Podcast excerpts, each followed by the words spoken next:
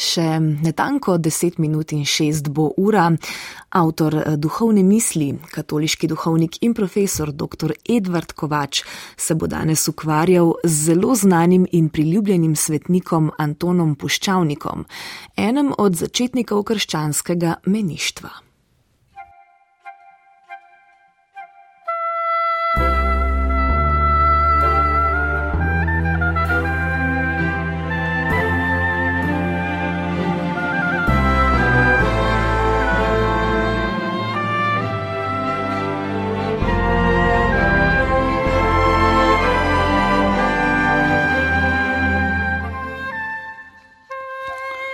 Danes zgoduje pri slovencih zelo priljubljeni svetnik, sveti Anton Puščavnik. Živel je v tretjem stoletju po Kristusu in sicer v Egiptu, kjer puščava ni bila daleč. Tako je hitro našel priviligiran kraj za svoja globoka premišljevanja, kjer se ne bo sklanja k zemlji in kjer lahko človek zaživi polno svobodnega življenja, se ga prav nič več ne vznemirja. Pred njim je samo še večnost, večnost radosti in ljubezni. Zato se ne smemo čuditi, če je Antonov način življenja postal mikaven tudi za druge ljudi, kajti takoj so se našli mladeniči možje, ki so ga hoteli posnemati in že v svojem zemeljskem življenju živeti radost večnosti. Videli so, da lahko že sedaj uresničijo trenutke večnega veselja, občutje neskončne ljubezni. Toda sveti Anton s svojimi učenci vendar ni zapustil tega sveta.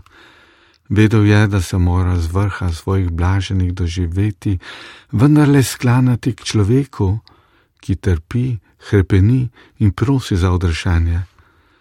Zato je poslal svoje učence v naselja, vasi in naselbine, ter jih prosil, naj poskrbi za reveže, posebej za te, ki so lačni. Otot tudi njihov veliki privilegij, da so smeli menihi svetega Antona tudi v srednjem veku s prašički hoditi v vasi. Vemo, da je bila svinjereja zelo tvegana zadeva, mimo grede se je razširila kakšna bolezen, če že ne epidemija. Toda učenci svetega Antona so gojili skrbno higieno, tako so dobili dovoljenje, da so z živalmi obiskovali vasi in hranili uboge. Čudovito sporočilo prihaja za nas preko današnjega svetnika. Na eni strani nam pravi, da se ne bojimo samote, ko upamo biti sami, prisluhnemo globinam svoje duše in Bog nam zašepeta marsikatero spoznanje.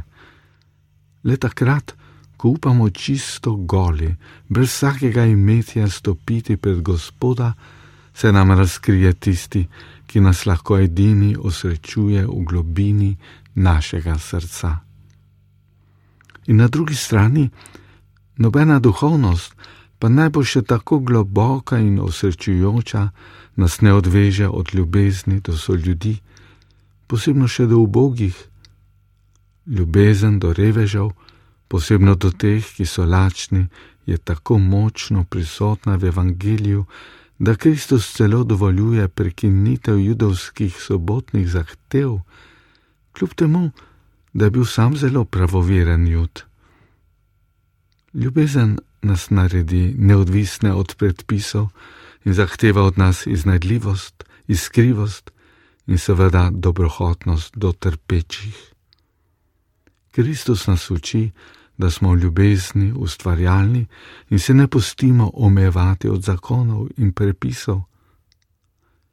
Ne, ker bi jih ne potrebovali in spoštovali, ampak ker je pogosto zahteva ljubezni do bližnjega tako močna, da se ne pusti ukalupiti v noben zakon.